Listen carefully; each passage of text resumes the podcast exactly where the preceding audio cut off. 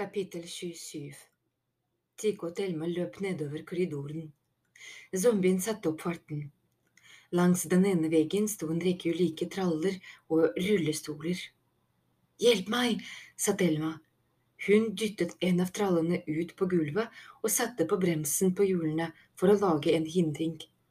De gjorde det samme med alle trallene og rullestolene, og rakk akkurat å sperre hele korridoren før zombien nådde frem. Den ville klare å komme seg forbi, de hadde sett hvor sterk den var, men i det minste ville hindringen oppholde den en stund, håpet de. De løp videre. Bak seg kunne de høre zombien stange mot trallene. Redd der fremme var en ny dør, en oppskrapet, grønn ståldør. Thelma nådde den først. Hun trykket ned håndtaket og dyttet med kroppen. Døra var låst, de var fanget. Zombien hadde viklet seg inn i trallene, men likevel kom den nærmere. Den bare slepte med seg trallene. Kom! Tigo grep hånden til Thelma og begynte å løpe tilbake, rett mot zombien. Thelma skjønte ingenting, men så forsto hun. De hadde løpt forbi en dør. Det var den Tigo prøvde å nå. Det var deres eneste sjanse. Tigo la hånden på dørhåndtaket. Han lukket øynene et lite øyeblikk. Hvis døra var åpen, hadde de en sjanse. Hvis ikke Tico dro i døra. Den var åpen.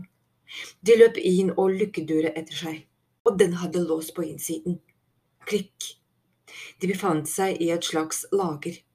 Veggene var dekket av huller fullt med vaskemidler, såpe og ruller med tørkepapir. Ved veggen som vendte ut mot korridoren, sto et skrivebord med en gammel pc, og over skrivebordet var et vindu ut mot gangen.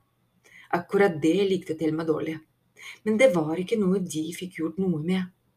Nå måtte de bare gjemme seg her og vente på hjelp. De krabbet under skrivebordet og krøllet seg sammen. Tico kjente at hjertet hamret så hardt at han lurte på hvorfor det ikke brakk ribbenet hans. Utenfor kunne han høre fresingen til zombien. Men han kunne ikke lenger høre skramlingen fra trallene. Det måtte bety at zombien hadde kommet seg løs fra trallene og nå bare gikk frem og tilbake i gangen. Delma tenkte tilbake på da de var små og laget hytte under kjøkkenbordet. De lekte at de måtte forsvare seg mot krokodiller og monstre og måtte holde pusten for ikke å bli oppdaget og nå opplevde de det i virkeligheten.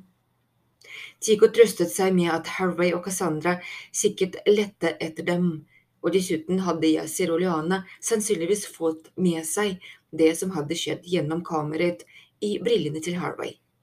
Hjelpen var på vei. Det gikk tre minutter, men det føltes mer som tre timer. Hele tiden kunne de høre zombien hvese utenfor. Frem og tilbake gikk den, frem og tilbake. Noen ganger kunne de høre at den dultet bort til trallene. Andre ganger kunne de høre at den var rett utenfor vinduet, en halv meter fra dem. Kunne den lukte dem? Tico og Delma tok hverandre i hendene og lukket øynene. Men så ble det stille. Zombien vagget bort, før det kom tilbake og hveste mot vinduet igjen. Det gikk noen minutter til. Thelma og Tico lyttet. De kikket på hverandre. Hørte de begge det samme? Var det blitt helt stille der ute? Hadde zombien gitt opp? Hadde den gått tilbake oppover korridoren? De lyttet en stund til. Ikke en lyd. Sakte krøp de frem fra under bordet. De våget ikke helt å tro at det var over. Tigo klatret opp på skrivebordet. Forsiktig tittet han ut gjennom vinduet. Trallene lå strødd ut over gulvet. Han kunne ikke se hele korridoren, men til venstre, ned mot den låste døra, var det i alle fall ingenting. Han la hodet inn mot glasset for å kunne se lengst mulig den andre veien, og så rett inn i det hårete zombieansiktet. Tico åpnet munnen, men skriket rakk ikke å komme ut før zombien hoppet tvers gjennom glasset med hodet først rett på Tico. Tico landet på gulvet. Luften ble slått ut av ham. Zombien landet på magen på bordet, og grafset etter Tico med de glolignende hendene sine. Så skled den ned på gulvet og fikk tak i beinet til Tico. Han prøvde desperat å sparke seg løs. Han klarte å snu seg over på magen, men det var ingenting å ta tak i. Neglene hans klorte på det glatte gulvebelegget, det var umulig å få feste.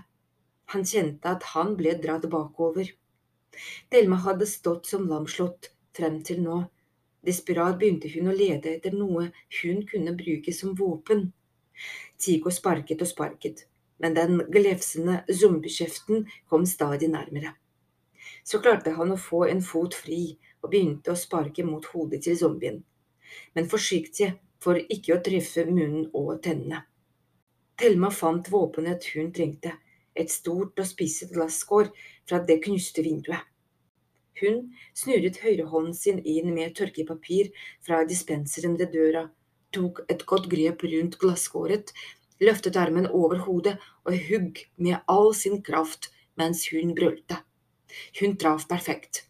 Glasskåret forsvant inn i det råtne og myke zombieskallen før det brakk. Zombien slapp grepet rundt ankelen til Tico, hodet landet på gulvet med våt dunk. Den beveget seg ikke lenger. De hadde klart det. Delma kastet seg fra resten av glasskåret og satte seg ned ved siden av Tico. Ble du bitt? Tico ristet på hodet. Hun hjalp ham opp, og de ble stående og stirre på den groteske skapningen. Det mørke, stinkende blodet bredte seg ut til en dam under den. Det var rart å tenke på at for bare kort tid siden hadde det vært et menneske. Men det var det ikke nå.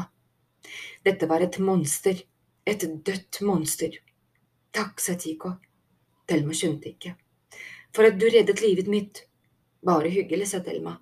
Vennskapet vårt hadde ikke blitt helt det samme hvis du ble en zombie. Det tror jeg du har helt rett i, sa Tico. Så begynte de bare å le. Klarte ikke å la være. Det var som om kroppen trengte latter for å riste av seg redselen. Men plutselig var redselen der igjen, som et hugg i hjertet.